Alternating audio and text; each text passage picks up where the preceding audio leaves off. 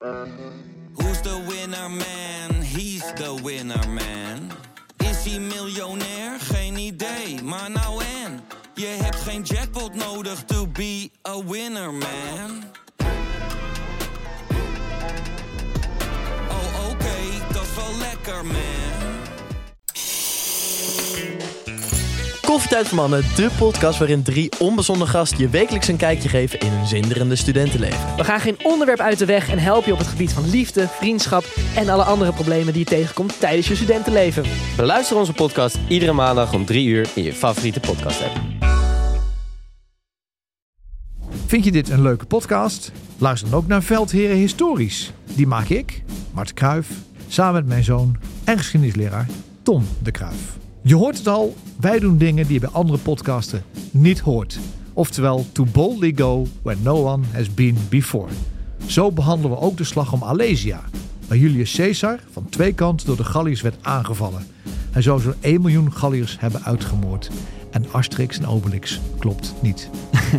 Zeker, en zo bespreken we ook markante veldheren en legendarische veldslagen uit de geschiedenis. Zo kom je bijvoorbeeld te leren waarom het jaar 1870 misschien wel het belangrijkste jaartal is in de geschiedenis. Luister dus Veldheren Historisch via Podimo. En als je je aanmeldt via podimo.nl slash veldherenhistorisch. Dan luister je 30 dagen gratis. Veldheren is een productie van Corti Media en WPG Studios. Kortie Media. In Veldheren ga ik, Jos de Groot, elke week voorbij de frontlijn in Oekraïne met generaals buitendienst Peter van Um en Mart de Kruif. We kijken naar de actuele situatie op het slagveld en gaan dieper in op één thema.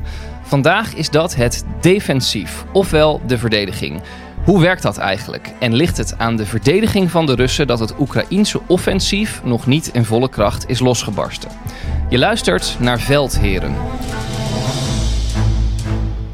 En luister vooral ook naar Veldheren Extra, de wekelijkse extra aflevering waarin Peter en Mart meer vragen van luisteraars beantwoorden. Tegen een kleine bijdrage kun je die afleveringen beluisteren via vriendvandeshow.nl slash veldheren. Bijna 700 luisteraars gingen je al voor. Straks dus uitgebreid hoe werkt de verdediging. Dan kijken we ook naar de stand van het Oekraïense offensief en er is aandacht voor de clusterbom. Maar eerst de veelbesproken NAVO-top in Vilnius. Belangrijk om daarbij op te merken, we nemen de podcast op op woensdagochtend. Dus de, de eindstukken hebben we op dit moment nog niet kunnen lezen, maar er is natuurlijk wel al veel bekend. Ehm, wat is eigenlijk het meest opvallende wat jullie hebben gezien? Nou ja, uiteindelijk toch dat uh, Zweden mag toetreden tot de NAVO. Uh, dus Hongarije en uh, Turkije, in ieder geval de twee uh, ja, bazen daarvan, die hebben geen bezwaar meer aangetekend. Iedereen daar heel erg blij om. maar toch zeg ik van, laten we even afwachten hoe de instemming van het Turks parlement gaat. want dan weet je pas echt of het helemaal 100% voor elkaar is. Jij, jij bent daar nog een beetje sceptisch over. Ja, als uh, van de Turkse kant men ziet dat men uh, toch nog uh, wat meer winst kan halen uit dit troebel water. Dan zou het zomaar kunnen zijn dat het parlement nog even dwars gaat liggen. En Erdogan er nog wat binnenhaalt. En uiteindelijk daarmee zalvend door zijn parlement heen gaat. Ja. Mart, wat denk jij?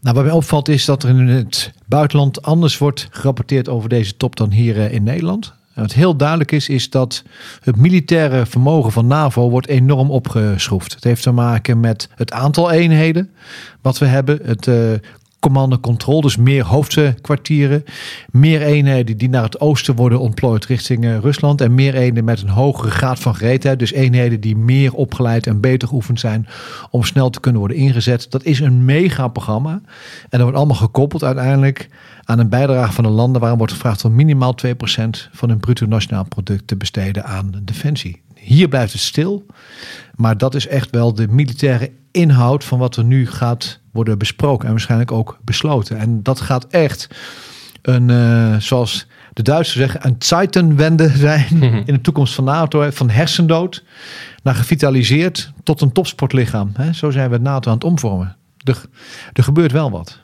Dus ook in de bredere loop van de geschiedenis belangrijk moment deze twee dagen in Vilnius.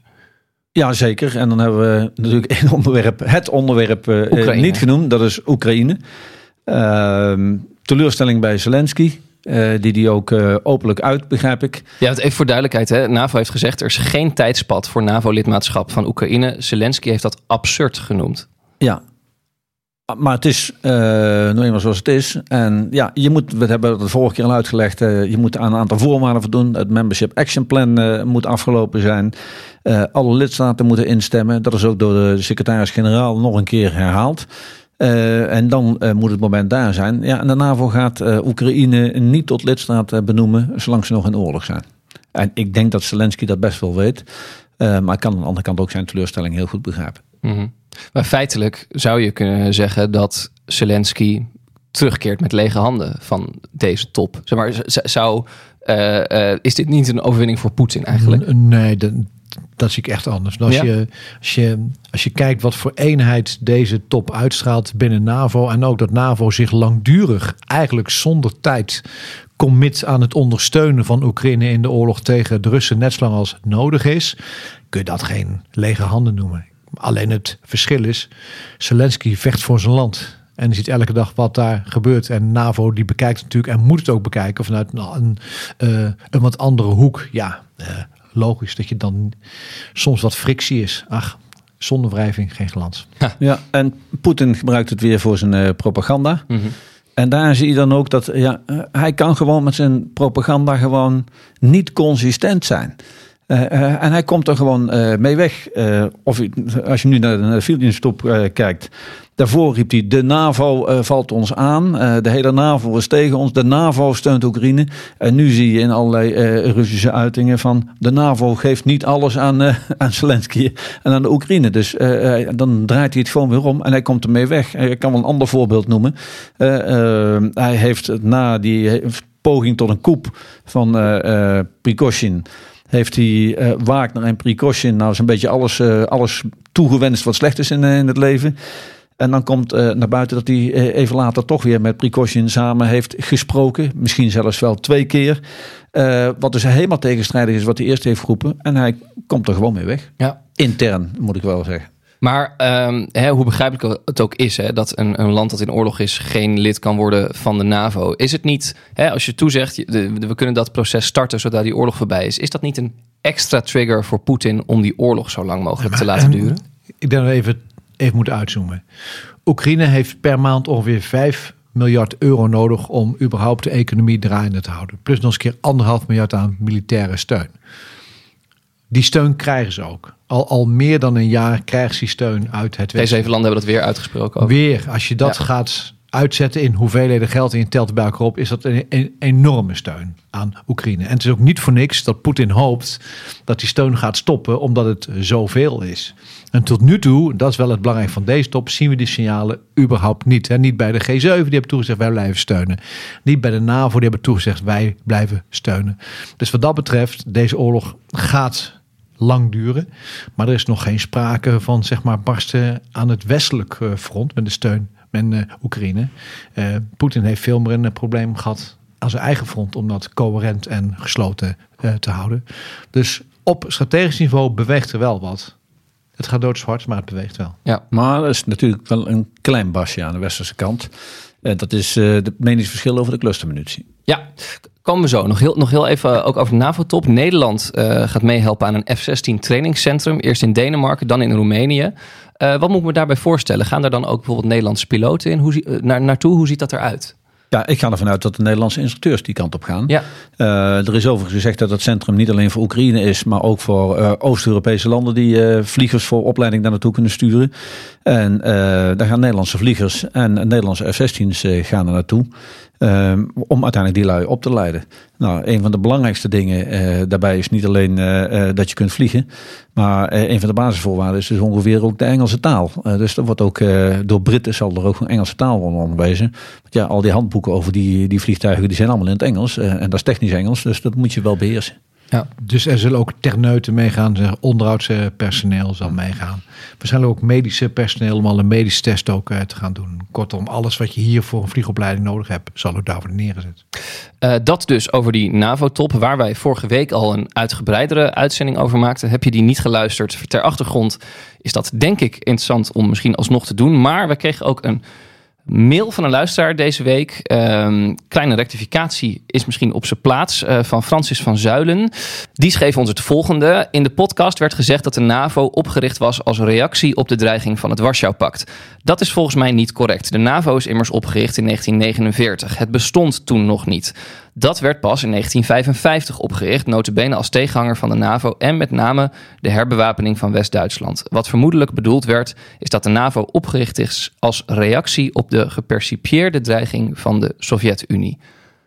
Wij eh, knikken instemmend met die tekst, geloof Het ik. is hè? feitelijk en historisch denk ik juist dit punt. Ja, ja, Ja, ik ben ik stront eigenwijs, dus ik ga er weer iets over roepen. ja, geen gang, Mart. Ja, dat is waar. Kijk, NAVO was een nieuwe alliantie in 1955. Had inderdaad te maken met de herwaarding van Duitsland.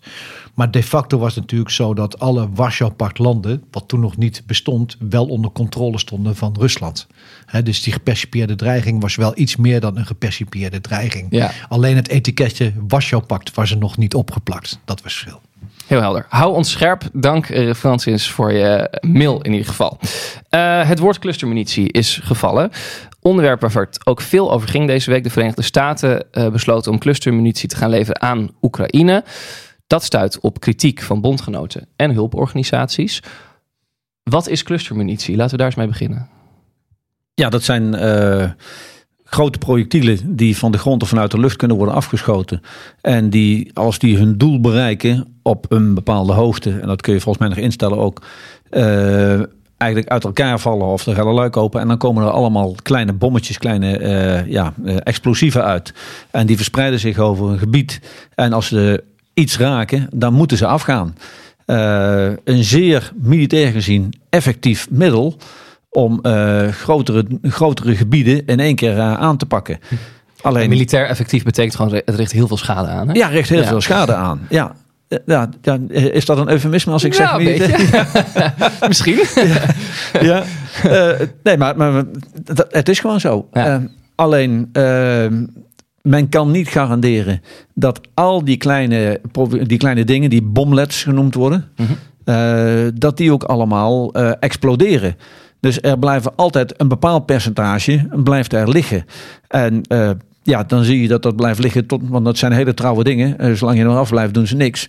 Maar als je ze eh, aanraakt, of, of je rijdt er overheen of wat dan ook, dan kunnen ze toch weer afgaan. En ja, op een gegeven moment is een conflict uit zo'n gebied weggevloeid. En dan komen de burgers weer. En dan eh, krijg je dus overmatig veel burgerslachtoffers door deze dingen. En daarom zijn ze, nou, ja, het woord, Mart noemde net al een mooi woord, daardoor zijn ze controversieel. Mhm. En eh, hebben, eh, ik geloof meer dan 130 landen een eh, overeenkomst ondertekend dat ze dit niet zullen gebruiken. Amerika Alleen- niet, hè? Nee, Rusland, Oekraïne en Amerika hebben dat niet ondertekend. Nee. Israël niet. Nee. China niet. W- Waarom, waarom levert Amerika die bommen, ook wetende dat het Ja. zo gevoelig ligt? Het is wel een nuance in de discussie hoor. Want ehm, eigenlijk in de Tweede Wereldoorlog zijn Duitsland en de Russen al begonnen met de ontwikkeling van dit soort wapens. Die echt gebiedsbedekkend zijn. Dus een groot gebied kunnen uitschakelen. Vandaar de bijnaam de grid killer. hè. De grid is een vierkante kilometer op de kaart.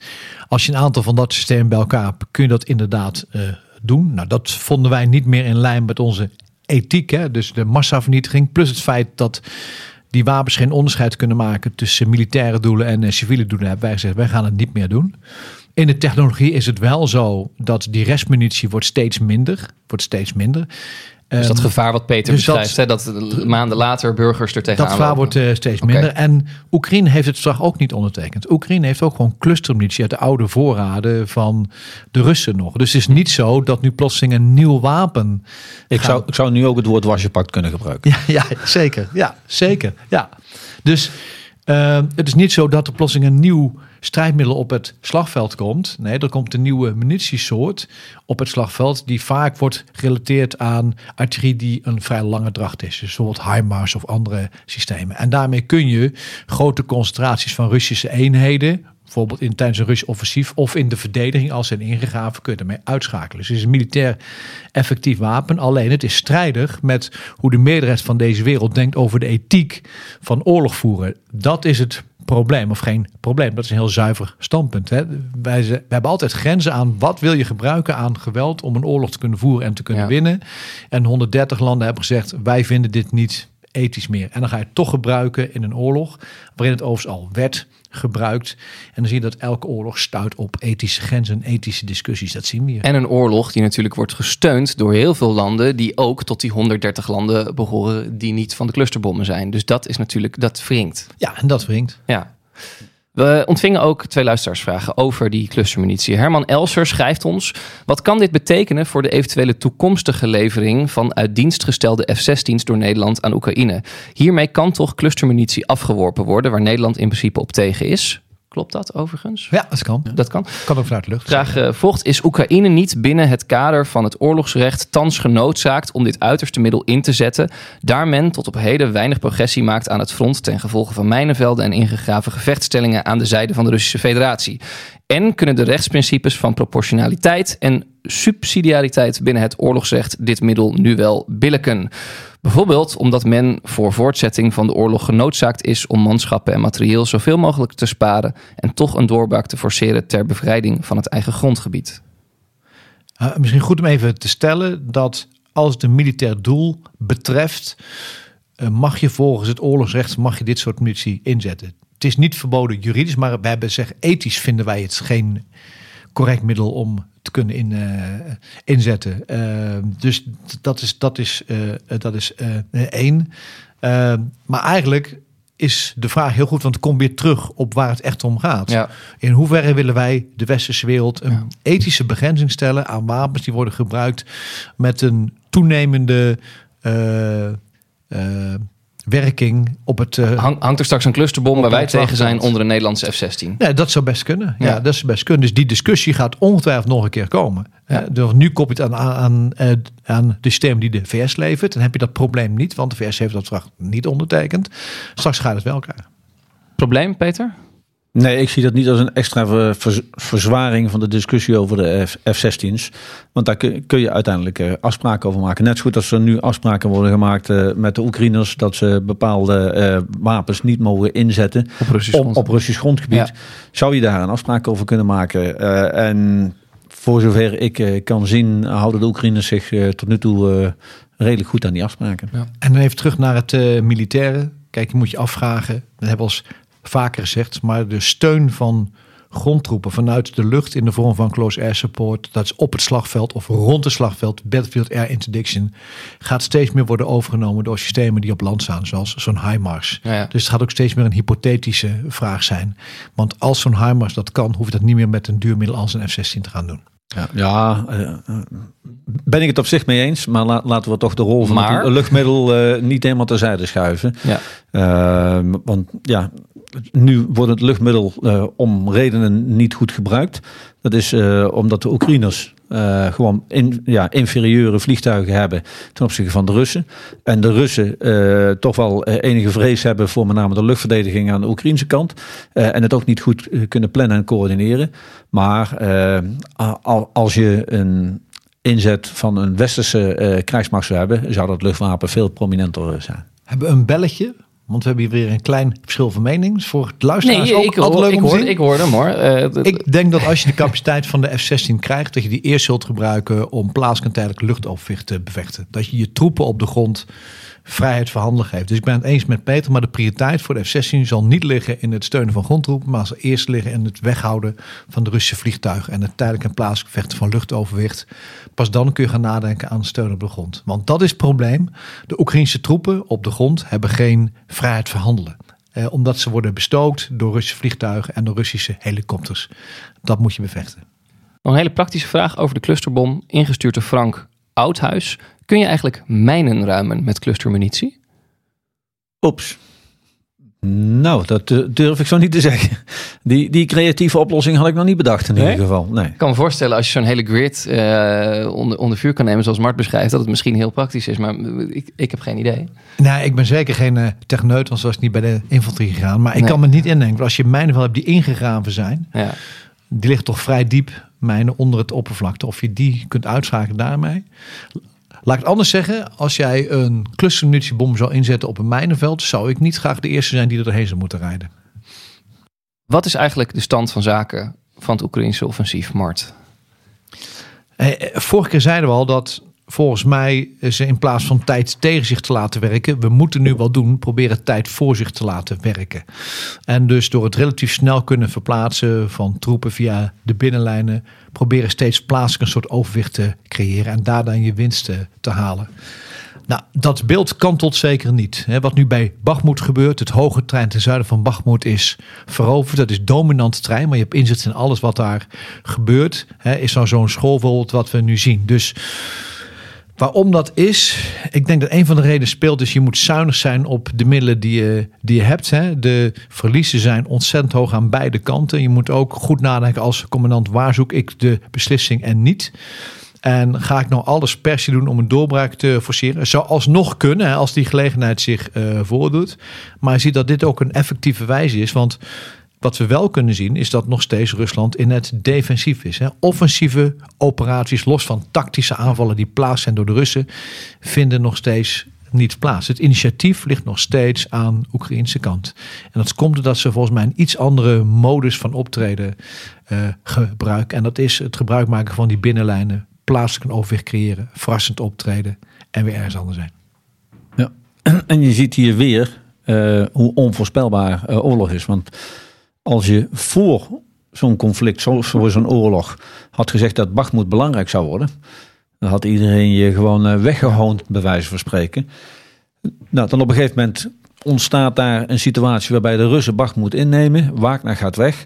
Dan denk je van nou, misschien wordt het nu wel rustig rond Bakhmut, maar dan toch blijft Bakhmut belangrijk in alle gevechten. En uh, terwijl het strategisch uh, van eigenlijk militair gezien geen waarde is, maar is het propagandatechnisch in ieder geval veel waarde.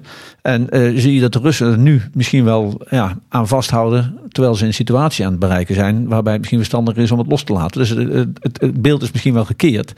Uh, en dan zie je dat uh, zelfs Kadirov nu begint te roepen dat hij uh, eenheden naar Bakhmut gaat sturen.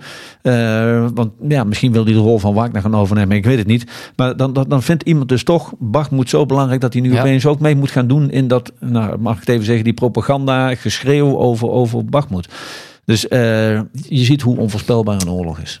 En dan komen we weer terug bij Moltke, de oudere die altijd zei: elk plan sneuvelt bij de startlijn.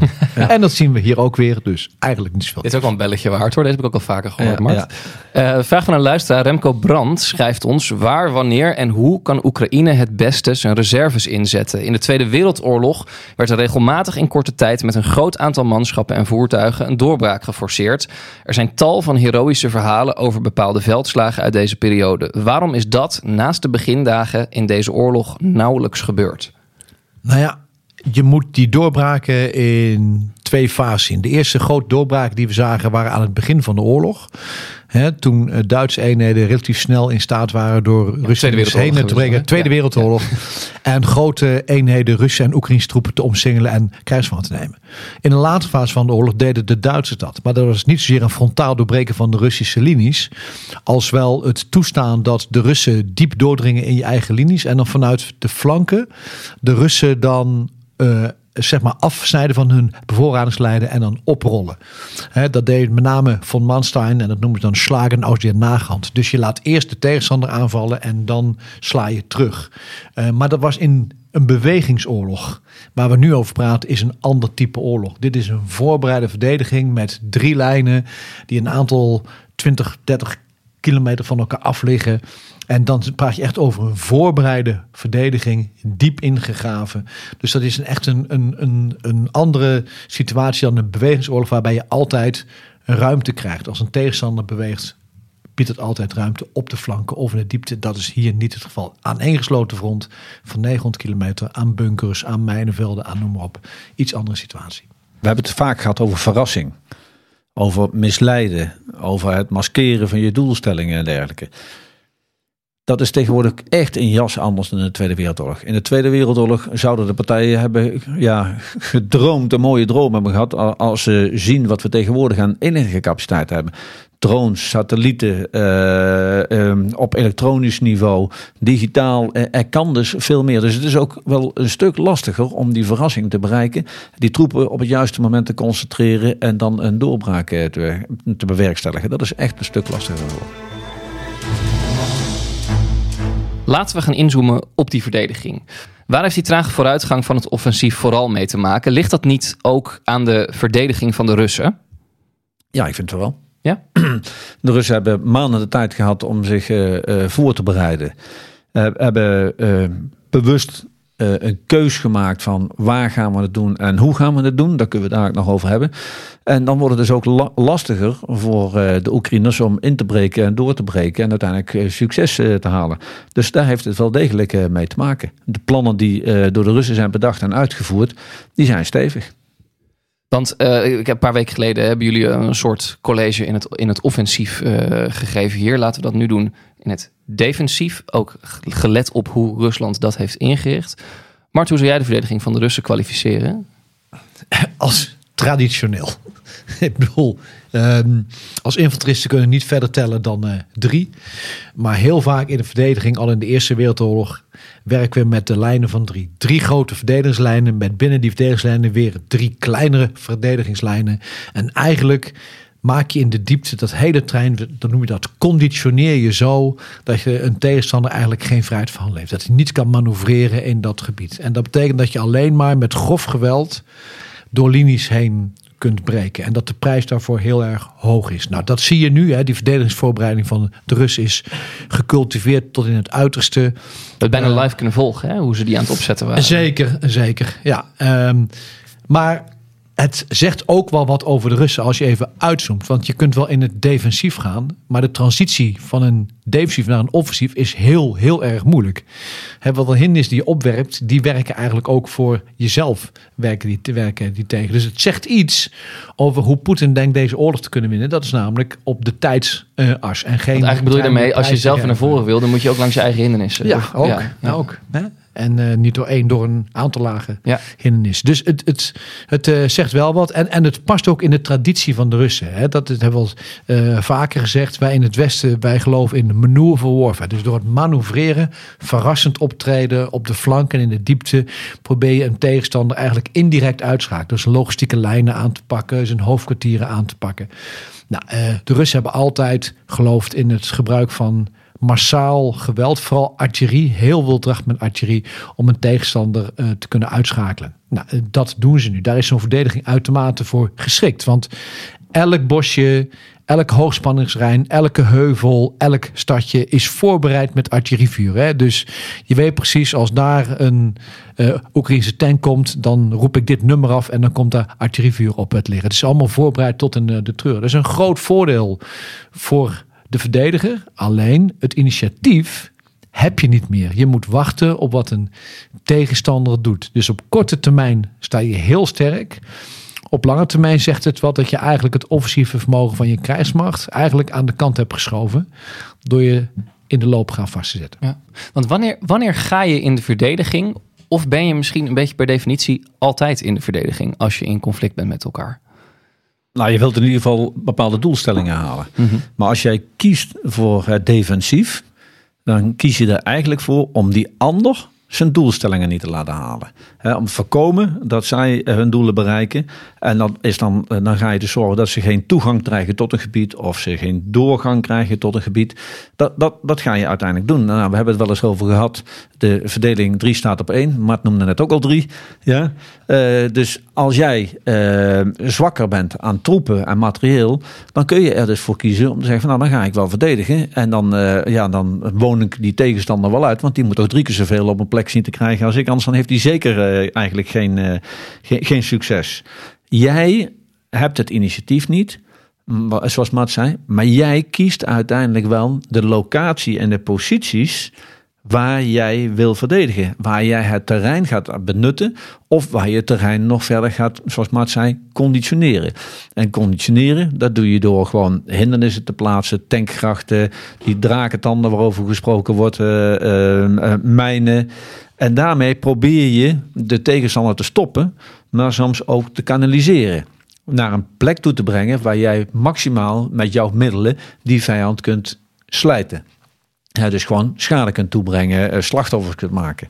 Eh, dus dat is, daar heb jij de keus in om dat te doen. En die keus die wordt veelal bepaald door het terrein. natuurlijk je doelstellingen, maar uiteindelijk ook het terrein.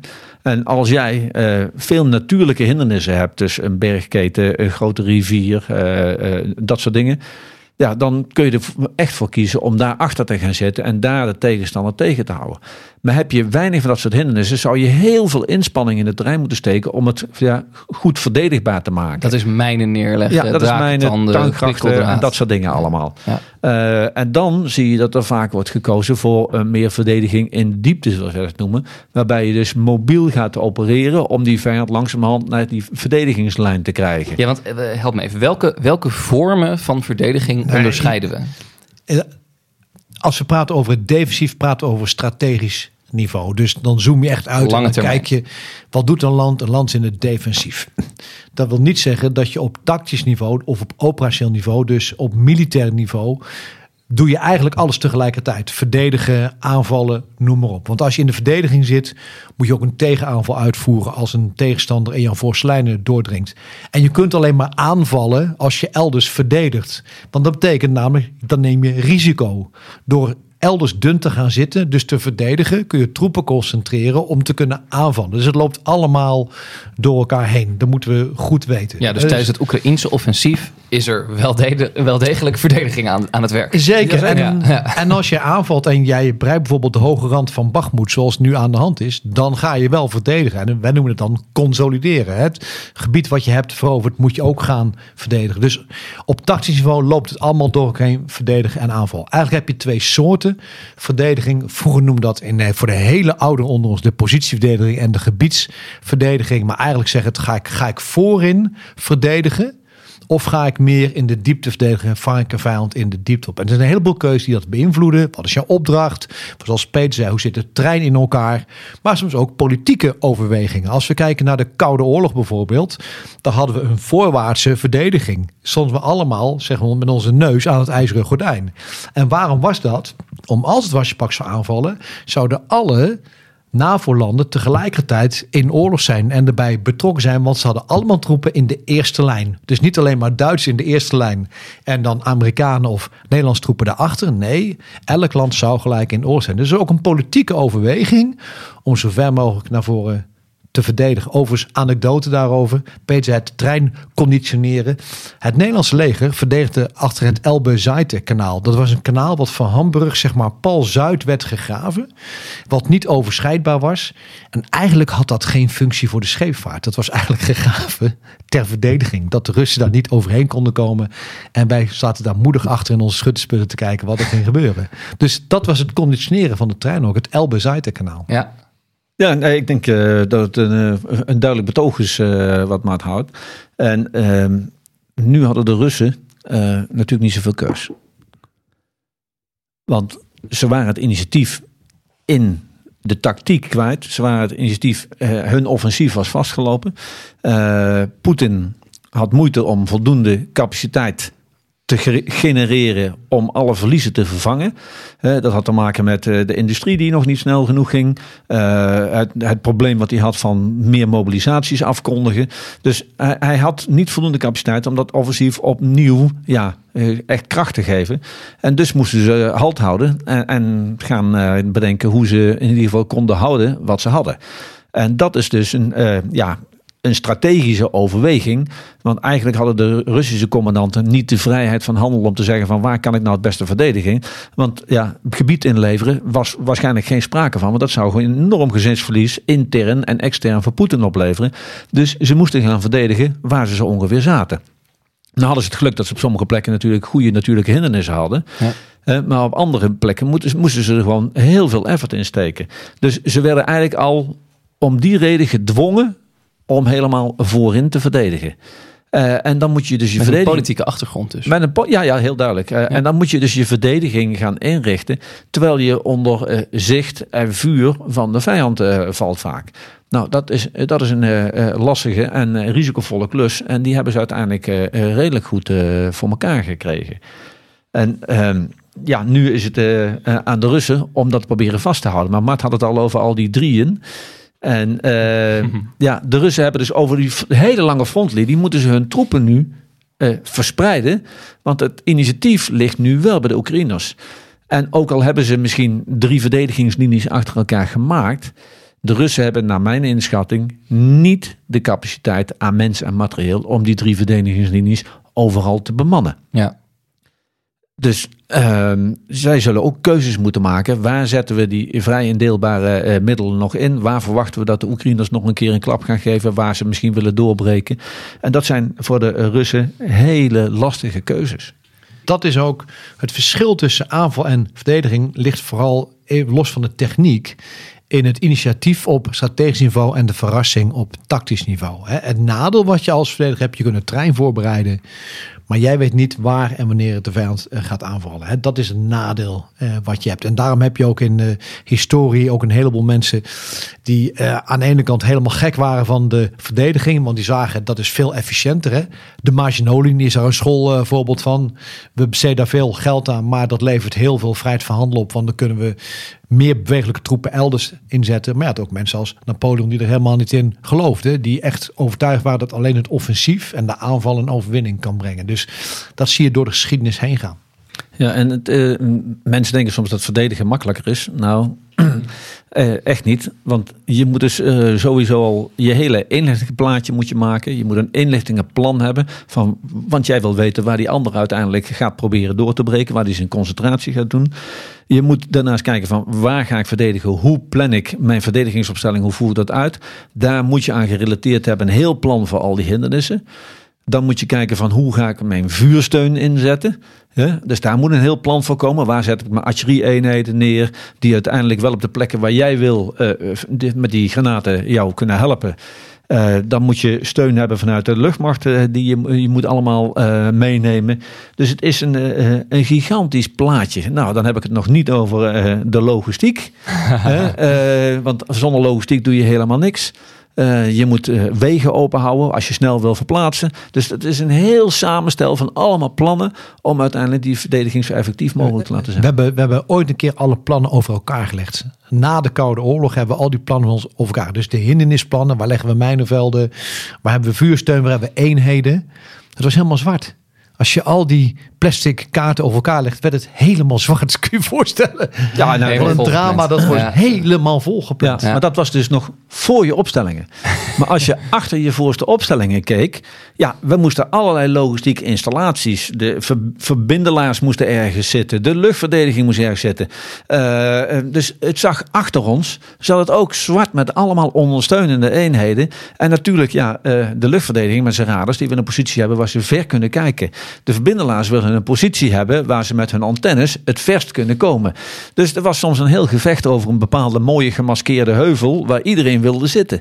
Dus dat waren allemaal hele lastige keuzes die je moest maken. Ik, ik zou nog wel even heel erg praktisch met jullie willen maken. Toen we de opmars van Prigozhin bespraken, de opmars richting Moskou. Ik meen me te herinneren, Mart, dat jij iets zei in de trant van, hè, als het ging om de verdediging van Moskou. Je zei iets in de trant van, geef Peter en mij 100 goede mannen en er komt geen muis Moskou binnen. Twee planken, vier mijnen en veertig man. Nee, je hebt de snelweg dicht. Ja, maar eh, leg, leg dat even uit, want dit is volgens Ja, mij waarin is de toch wel, verdediging... is toch wel een anabol game. Maar, Daarin komt de verdediging toch dan tot de kern, zeg maar. Nee, maar als je heel Moskou wilt verdedigen, dan heb je natuurlijk enorm veel troepen nodig. Ja. En dat hebben we ook gezien in eh, natuurlijk eh, de nazomer eh, en de herfst en de winter van 1941. Hè, toen de Russen alles in de strijd hebben geworpen om Moskou te vrijwaren van Duitse bezetting. Maar je praat hier over iets heel anders. Je praat hier over één opmarsroute, over één snelweg richting Moskou. Nou, wat mij intrigeert tot op de dag van eh, vandaag is... waarom is er niemand geweest in die hele Russische legerleiding... die heeft gekund of heeft gemogen, voor de duidelijkheid... om die opmars eh, tegen te houden. Want 750 kilometer rijden in bijna twee dagen... dat is een enorme uitdaging. Terwijl militair gezien ja, je weg van eh 20 meter breedte makkelijk dicht kunt houden. Schoolvoorbeeld, de gevechten aan de Afsluitdijk in mei 1940... Waar ook een dijk lag naar onze bunkers. Daar is geen Duitser doorheen gekomen. Sterker nog, die werden daar helemaal niet eh, vrolijk van. Omdat je geen ruimte hebt om te manoeuvreren. Je kunt alleen op die weg rijden. Ja, ik zeg al. Vier mijnen, twee planken, twintig man, er komt niemand doorheen. Maar, maar, maar dat kun je dus niet vergelijken met een defensief Nee. en het eh, inrichten van een brede verdediging. eh. Dan Daar- een daar eh, je- verdedigingslinie van honderden kilometers. Ja, ja, ja, dat is Ja. e- echt eh, van andere orde. Ja. Eh, en, en de Russen eh, moeten dus hier allerlei keuzes in maken. En we hebben het ook in de actualiteit hebben we gezien dat de Russen ook nog steeds aanvallen uitvoeren. Ja, dus ze hebben nog steeds capaciteit om af en toe gewoon eh, tegenklappen te geven, om Ja. zo maar zeggen. En dat lijkt allemaal dan, eh, ja, als mensen die aan stratego denken en dergelijke, eh, ja, dan lijkt dat allemaal zo simpel. Maar in een gevechtsveld waar veel vijand tegenover je staat, waar je veel eigen troepen hebt, en dan wil je jezelf gaan bewegen, dan moeten jouw eigen troepen moeten langs of door andere eigen troepen heen. Dat moet je allemaal heel goed coördineren, want anders schieten ze gewoon elkaar voor de klep. Ja. dus dat, dat zijn allemaal hele moeilijke dingen. Hoe, hoe lang kunnen de Russen dit volhouden? Ja, cruciaal is hoeveel van hun reserves ze moeten inzetten om die gaten te stoppen, zeg maar. Die links-rechts. We weten nu dat de Russische reserves naar Bakhmut worden gehaald. Eh, om die opmars eh, noord en zuid van Bakhmut van het Oekraïns leger te kunnen stoppen. Het eerlijke antwoord is dat weten we niet. Maar we zien wel dat Russen worden gedwongen om die reserves zeg maar steeds meer af te pellen en in te zetten in de frontlijn om de gaten te stoppen. Geldt natuurlijk ook voor Oekraïne. Alleen nogmaals, Oekraïne heeft het voordeel dat zij bepalen waar ze gaan aanvallen. Terwijl de Russen constant moeten reageren op wat Oekraïne doet. En dan zie je dat Oekraïne dat probeert uit te buiten. Dat ze dat verrassing waar ze gaan aanvallen en wanneer proberen uit te buiten om steeds een lokaal overwicht te krijgen. En de Russen eigenlijk in onzekerheid te hebben wat er gebeurt en waar ze die reserves moeten inzetten. Ja, en je ziet, eh, daar hebben we het de vorige keer volgens mij ook even over gehad. Je ziet ook signalen in de Russische samenleving, maar ook van Russische troepen aan het front. Dat eh, eenheden lang worden ingezet. Geen kans hebben gekregen om even eh, terug te gaan. Maanden te, recupereren. ja, die soms zes maanden aan, Ja. het, aan het front zitten. En nog steeds niet worden afgelost. Maar wel voortdurend collega's bij zich weg zien vallen. Er, zijn, er zijn nu beelden van dat een eenheid nog maar een kwart van zijn sterkte heeft. Eh, dus ze hebben blijkbaar weinig vrije capaciteit om in te zetten. En ja, ik ben eh, zeer benieuwd wanneer dat gaat leiden tot een nog agressieve recrutering in Rusland.